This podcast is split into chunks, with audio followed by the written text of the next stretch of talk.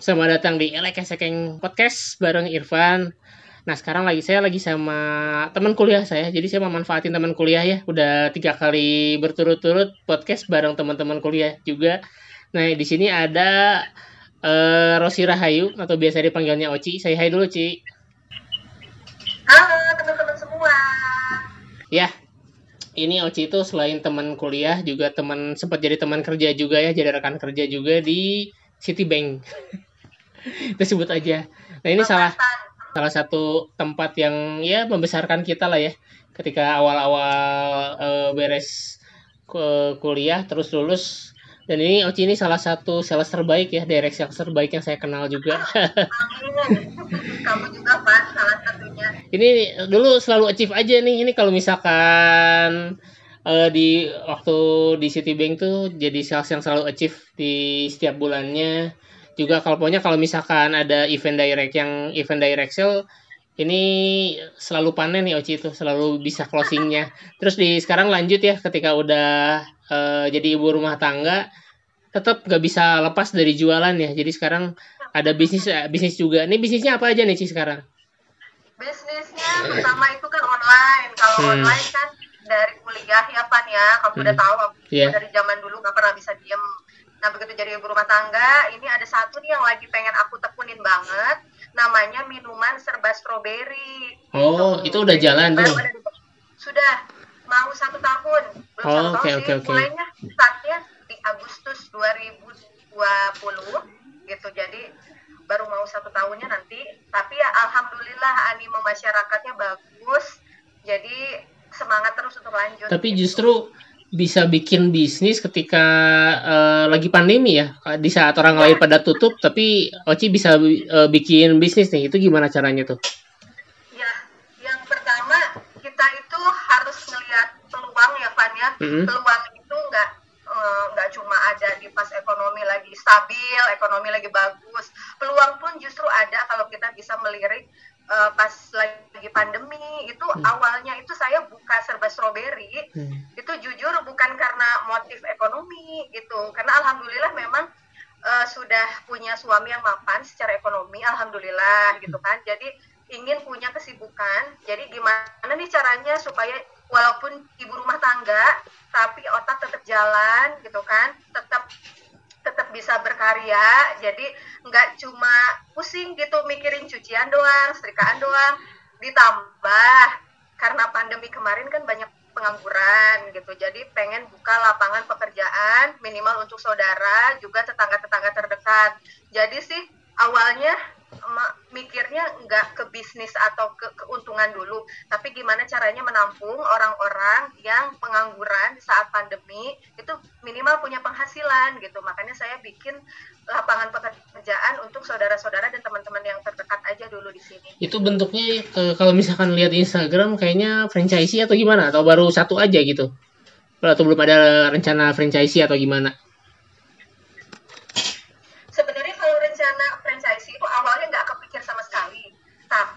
banyak orang yang nanya Van nah begitu orang yang nanya itu jadi kepikiran juga.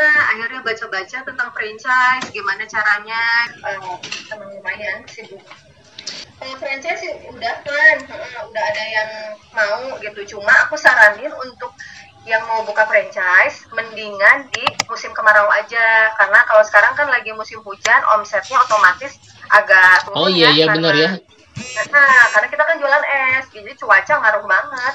Terus sebelumnya juga kan Oci sebenarnya kalau buat uh, nyari penghasilan tambahan sama ya selama jadi ibu rumah tangga banyak juga bikin bisnis ya kayaknya kemarin tuh sempet tuh bikin apa jualan boneka jari. Iya boneka jari itu udah zaman kuliah. Oh itu udah zaman kuliah justru. Itu bikin sendiri atau gimana? Sebenarnya aku import pertama itu dari Cina dari Alibaba. Awalnya aku uh, bukan bukan dari Alibaba. Waktu itu ada sih supplier besarnya di Indonesia di Jakarta. Aku ambil dari dia. Jadi dia beli partai besar langsung dari Cina. Nah aku beli dari dia gitu. Jadi aku oh. sebenarnya retailernya dia. Jadi dia yang langsung uh, ambil dari Cinanya. Tapi sekarang berhubung udah gampang ya nyarinya di mana-mana terus juga pesaing makin banyak kita oh, makin iya, iya. gampang iya ngebanding-bandingin supplier juga lebih gampang, tinggal modal internet. Jadi aku udah dapat supplier lain dengan harga yang lebih bagus. Jadi harganya juga dulu dari zaman boneka jari, zaman kuliah aku jual satu set seratus ribu, sekarang cuma jual empat puluh lima ribu karena dulu nggak ada saingan dan laku. Iya. Sekarang udah banyak saingan. Gampang hmm. banget ya kalau sekarang tuh bikin bisnis ya ya apa nyari bisnis tambahan buat uh, ibu rumah tangga tuh sekarang banyak gitu ya di internet bisa apa aja gitu ya apalagi kalau sekarang zaman pandemi itu banyak banget yang nawarin masker sama hand sanitizer kayaknya teman-teman hampir pas waktu kita pandemi dulu kan di grup uh, kuliah juga berapa bisa dihitung tuh berapa orang tuh yang nawarin masker. Jadi rata-rata semuanya pada jualan masker gitu ya. Nah tapi kalau dari segi untuk eh, penghasilan tambahan sendiri enak mana sih? Kalau misalkan eh, menurut Oci gini ya ini kan eh, dari, dari sisi buat penghasilan nyari penghasilan ya. Misalkan enaknya sebenarnya enak apa sih gitu buat orang tuh? Buat orang ya jujur kalau penghasilan sih eh, karena saya belum hmm. rasain bisnis yang yang sukses banget gitu loh kan ya. Jadi kalau dari segi penghasilan memang lebih lebih banyak dari kerja sebagai wanita karir. Cuma berhubung saya kan udah nikah gitu kan. Jadi sekarang uh, apa ya mindsetnya nggak cuma di motif ekonomi aja. Ada anak yang harus dijaga gitu kan. Ada suami yang harus diurus gitu. Jadi kalau menurut saya ketimbang saya harus bayar pembantu bayar babysitter gitu kan dan lain-lain terus juga psikologis anak saya juga nggak akan sebagus kalau dijaga sama ibunya. Jadi kalau kita nggak ngomongin motif, motif ekonomi sih jauh lebih menang banyak deh ibu rumah tangga kepan keban ketimbang sama wanita karir gitu loh. Hmm. cuma nimbanginnya gimana caranya supaya uh, nggak jenuh di, di rumah gitu kan. Walaupun tetangga banyak yang bilang udah deh mau apa lagi sih? Ngapain pakai jualan-jualan segala? Udah di rumah aja. Nah kalau saya cuma diem aja mungkin ya mumet gitu. Jadi cara cara cara apa cara ngimbangin supaya porsi apa ya tenaganya nggak cuma di rumah gitu. Jadi supaya otaknya tetap jalan. Ya ini bentuk ini juga bentuk refreshingnya saya. Ya memang dari dulu karena hobinya bisnis ya udah bisnis terus gitu kan dan alhamdulillah selama ini menghasilkan alhamdulillah. Hmm, alhamdulillah ya. Terus selain itu apalagi nih? Selain pernah jadi reseller pernah uh, sekarang uh, bikin franchise buat serba strawberry. Terus yang lainnya apalagi nih? Uh, sebelum serba strawberry sebenarnya ada aku yang bikin brand sendiri itu namanya kerudung kerudung motif ayu. Hmm. kan kan sempat kan tuh ya di Bandung kerudung printing kan lagi banyak banget. Iya iya iya betul betul cuma memang karena kalah momen ya karena aku datangnya terlambat gitu kan di saat semua udah udah stabil merek-merek besar udah banyak mereka udah stabil di angka 3 sampai lima tahun jadi merek besar dan aku baru masuk dengan harga yang gak begitu jauh dengan merek besar. Jadi ya mungkin positioningnya salah gitu kan itu untuk pelajaran satu positioningnya salah. Terus yang kedua kesulitan untuk cari ini pan vendor. Karena ternyata nyari vendor itu PR banget ya Van ya? Iya benar-benar benar harus survei pabriknya, survei harganya, survei kualitasnya, jadi itu benar-benar susah. Belum lagi aku harus desainnya. Itu waktu aku tersita banget di situ. Jadi udah deh akhirnya pas corona ini pabrik yang biasa aku minta untuk print hijab aku itu dia bangkrut. Nah oh. akhirnya aku udah nggak berani lanjut lagi. Udah nggak berani iya, lanjut iya. lagi karena dia jam bangkrut. Aku udah nggak bisa deh survei-survei lagi karena menyita waktu. Jadi aku alihkan ke yang lain aja bisnisnya. Iya, takutnya nggak jalan juga ya kalau misalkan dipaksain di mereka nya. Terus kalau misalkan prospeknya ke depan gimana? Apakah mau coba stay dulu di ini nih yang minuman serba strawberry tapi kan sebenarnya kalau misalkan di Indonesia itu cepet ya si perubahan uh, tren bisnis teh. Jadi kayak dulu tuh lagi trennya apa es kepal Milo, terus habis itu cuman sebulan dua bulan udah udah ganti lagi jadi apa itu nggak khawatir uh, udah invest banyak di serba strawberry ini terus nanti harus ganti lagi itu gimana tuh? Kalau saya sih uh, positive thinking ya hmm. karena dari awal komit mau jalanin usaha ini paling strateginya dengan inovasi aja kan jadi hmm. dari awal itu kan saya bikin cuma lima menu tuh hmm. strawberry itu ngolahnya paling cuma jadi jus, smoothies, yogurt, teh strawberry. Hmm. Nah tiap bulan tuh kemarin ada satu menu baru gitu. Sampai sekarang udah bertahan di 10 menu. Nah jadi nanti kalau ada event-event seperti ulang tahun serba strawberry yang pertama, nanti akan launching menu baru. Terus juga nanti ada ekstra topping, ada apa. Jadi yang penting sih inovasi ya supaya orang nggak bosen dan kualitasnya itu akan saya pertahankan. Jadi dari awal promo ya biasalah yang namanya promo kan uh, di minuman-minuman yang yang sudah-sudah kalau promo kan uh, bahan bakunya dibagusin. Nanti kalau udah berkembang rasanya dikurangin lah entah apanya nanti. Saya nggak mau yang gitu. Jadi mendingan inovasinya dirasa ya. Gitu. jadi kalau dari awal rasanya udah enak udah tetap aja kualitasnya tidak harus tetap sama gitu. Hmm. karena varian-varian lainnya supaya konsumen nggak jenuh gitu aja. Iya iya betul betul betul. Nah tapi kalau dari semua uh, tipe bisnis yang udah dijalani paling enak apa sih? Yang mana sih? Yang mana yang sebenarnya? Ya ini mah kalau misalkan kita ngomong di luar pandemi ya tapi ketika misalkan ngejalaninnya paling enak sebagai ibu rumah tangganya jalan terus uh, sebagai uh, bisnis woman lah. Bisnis womannya itu juga jalan itu dari mana ya? Yang mana yang paling enak nih? Uh, kalau serba strawberry sih sebenarnya aku nggak jalanin langsung kan jadi kan ada karyawan. Ah iya iya iya iya. Jadi aku yang yang pegang resep dan memang yang di dapur tuh aku yang turun tangan langsung. Oh diproduksinya Oci gitu ya produksi saya nah, kalau untuk pemasaran semua karyawan gitu. Jadi tetap enak sih jadi bisa kontrolnya by WA aja gitu. Kayak mereka harus report penjualan tiap hari jam 1 sampai sama jam 5 sore gitu. Jam mm -hmm. 1 udah angkat berapa cup nih jam 5 udah berapa cup nih gitu. Selalu laporan-laporan pantau terus apa aja stok yang menipis nanti aku yang buat gitu aja sih Pan jadi sebenarnya paling enak yang serba strawberry ini ya buat karena aku bikinnya pun nggak dadakan ya. Jadi kalau stoknya udah agak sekitar dua hari mau habis itu karyawan udah info aku bisa masak kalau anak-anak udah tidur. Misalkan anak-anak udah tidur jam jam 10 malam udah aman nih semua aku bisa masak untuk besoknya dan aku bisa stok untuk beberapa lumayan. hari atau beberapa minggu iya gitu. tapi tapi tetap sih uh, megang sendiri buat produksinya itu juga sebenarnya PR ya. Tapi tetap dijalanin ya tetap tetap tetap konsisten dijalanin. Ya lumayan juga. Tapi paling uh, kalau buat si gerainya sendiri udah berapa nih baru udah masih satu atau usahakan udah mau nambah lagi jadi berapa Oh udah tiga, wow, wow, wow, keren. Udah, udah, berarti udah jalan enam bulan, enam bulan lebih ya. Tapi udah, udah, udah ada tiga. Itu semuanya di Bekasi. Semua di Bekasi dan lokasinya nggak begitu jauh kok. Cabang pertama itu lokasi sendiri, ada kopi sewa. Nah untuk yang dua lagi karena di depan di Maret, jadi memang ada sewa bulanan. Oh gitu gitu. Terus misalkan ini kan udah bakal terus berkembang nih, tapi eh kalau misalkan dari produksinya gimana? Kalau misalkan nambah-nambah lagi outlet kan otomatis ini nanti produksinya pasti meningkat dong. Bakal masih bakal e, kepegang atau gimana nih rencananya? Atau misalkan ada ada rencana lain gitu setelahnya?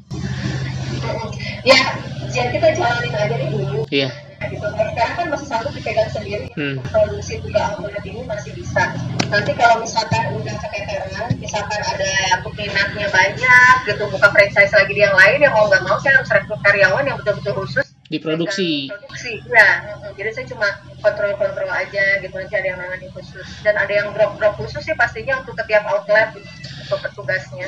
Tapi sekarang e, rencananya masih pengen di serba strawberry aja dulu belum ada rencana misalkan entah mau jadi apa nih si serba strawberry ini mau, kayak bisa jadi kayak punya outlet yang kayak di mall-mall yang lebih gede atau pengen seperti apa gitu. Ada ada impian dong nggak? Kalau harapan pasti ya kan yeah. punya outlet di mall pengennya bisa sebesar kopi kenangan Wah. janji jiwa atau apalah gitu ya. Cuma ya realistis aja. Kita jalanin dulu gitu. Sambil ke sana ke sini cari info cari peluang gitu. Ya pokoknya kita kerja keras aja deh untuk mewujud untuk mewujudkannya. Syukur-syukur bisa jadi seperti itu karena memang cita-cita sih pengen seperti itu bisa sampai ada di mall. Yang penting bisa bisa bisa dikenal. Karena selama ini kan baru ada di Bekasi nih. Iya iya Jakarta benar. belum ada Bandung belum ada walaupun banyak yang buka dong di sini buka iya iya benar benar benar. Karena bahan bakunya ini PR banget fan strawberry itu nggak kayak minuman lain yang modalnya cuma serbuk, modalnya cuma topping boba, modalnya cuma tinggal biji kopi digiling. Karena stroberi itu dia cuma bisa bertahan lama di freezer. Ah, harus jadi batu. Kalau dia nggak jadi batu dia udah lembek satu minggu pun di kulkas dia udah nggak akan bisa bertahan gitu. Jadi, dia harus benar-benar jadi batu. Jadi ada ter agak tricky juga ya buat maintain si bahan bahan. iya. ada tricky banget. Karena ya itu mungkin kenapa juga banyak orang yang berani terjun ke bisnis ini karena memang bahan bakunya itu PR banget penyimpanannya. Jadi kemarin itu saya pernah uh, beli kulkas baru terus ada kerusakan di apanya tuh bocor. Apa sih Van itu namanya? Eh freon. Freon. Freonnya iya, iya. bocor. Akhirnya kulkasnya mati dua hari dan stroberi saya semua yang asalnya beku banjir. Waduh. jadi semua jadi bonyok. Itu tapi jadi ya jadi jadi kerugian. Tapi itu kerugian untuk pelajaran kan sebenarnya setelahnya langsung langsung jadi tahu nih cara buat nyikapin bahan strawberry itu kayak gimana. Gitu. Ya harapannya dari pelajaran-pelajaran yang didapat ini bisa jadi ilmu lah supaya nanti ke depannya itu bisa lebih bagus lagi gitu. Jadi udah bisa ngakalin sih sekarang gimana cara penyimpanannya ini gitunya karena udah ada kejadian-kejadian iya. tapi kalau misalkan yang dari tiga itu kan tiga udah punya tiga cabang. Uh, tiga cabang itu punya Oci sendiri atau ada teman yang beli franchise tuh? Masih punya saya sendiri, masih. Wow. Ada, ada beberapa yang franchise sebenarnya. Gitu. Oh udah, udah ada yang mau. Udah ada yang mau, cuma saya saranin bukannya ntar aja, ntar ah. aja di musim kemarau. Karena saya lihat juga kan uh, apa ya uh, nggak mau kasih janji manis. Iya benar. Uh, orang yang ininya kita kan bisnis es ya, ya uh, apa make sense lah kalau musim hujan sepi gitu. Jadi saya nggak mau nanti si orang yang mau ngambil franchise itu di di momen awalnya itu dia kok penjualannya sepi hmm. gitu. Jadi mendingan pas musim kemarau aja pas momennya lagi bagus gitu. Jadinya memang memang penjualannya juga bagus. Jadi dia juga bisa balik modalnya cepet gitu. Daripada sekarang sih ada aja yang mau. Kalau misalkan saya misalkan uh, motifnya uang gitu ya yeah. motifnya bisnis banget udahlah langsung aja franchise. Dia mau yeah. bayar saya sediain. Oke okay, nama serba strawberry lebih banyak tapi saya nggak mau gitu ketika ini kok penjualan sepi ya karena musim hujan kali ya bu atau apa makanya saya udah bu kalau mau buka franchise nunggu momen yang pas aja bukannya saya nggak mau cuma supaya ibu juga kan yang namanya modal itu ada perhitungannya. Nah, saya bikin di proposal itu kan perhitungan balik modal seperti apa. Saya bikin perhitungan balik modal itu kalau musim kemarau pas penjualannya segini. Kalau musim hujan, musim musim hujan takutnya nanti perhitungan balik modalnya mundur gitu hmm. nanti disangka ini di proposal kok tiga bulan balik modal tapi ternyata enggak nah karena ibu momennya salah saya nggak maunya kayak gitu aja hmm. gitu karena namanya kita bikin proposal kan emang harus yang se sebagus mungkin ya yeah, yeah. untuk menarik minat gitu tapi nanti kalau nggak sesuai realita kan malah jadi bumerang buat kita iya, loh iya. kan gitu betul, betul. jadi memang entar, entar aja deh masih saya tahan-tahan untuk yang mau franchise biar nunggu momen bagus aja pas musim kemarau. Oke, okay.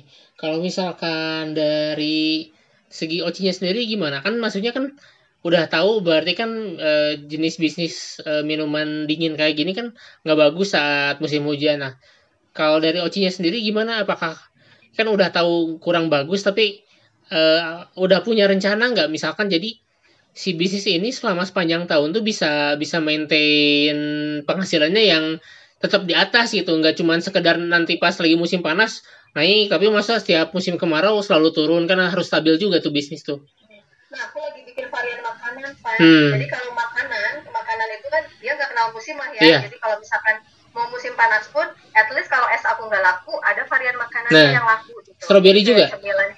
Ya cemilan-cemilan semua berbahan dasar berbahan dasar stroberi dari mulai mungkin itu nanti stroberi eh, dari ada ada cake stroberi pancake stroberi atau nanti kue-kue yang lain. Terus nanti juga mungkin akan ada yang makanan berat-beratnya seperti nasi goreng stroberi mie ayam stroberi pokoknya masih dengan yang harus ada stroberinya mie karena ayam stroberi ya image stroberinya hilang gitu uh -uh. jadi udah semuanya aku mau jadi stroberi Ah, mie ayam strawberry gimana caranya itu? mie ayam strawberry sih bisa aja Pak. Jadi strawberry itu kan bisa dibikin sambal. Jadi dia itu oh. pengganti tomat, pengganti tomat dan rasanya lebih khas, lebih seger gitu. Tapi ya, pasti juga, ada bisa ada rasa pedesnya itu teh. Bisa kan dicampur cabai Pak. Iya, iya. Aja.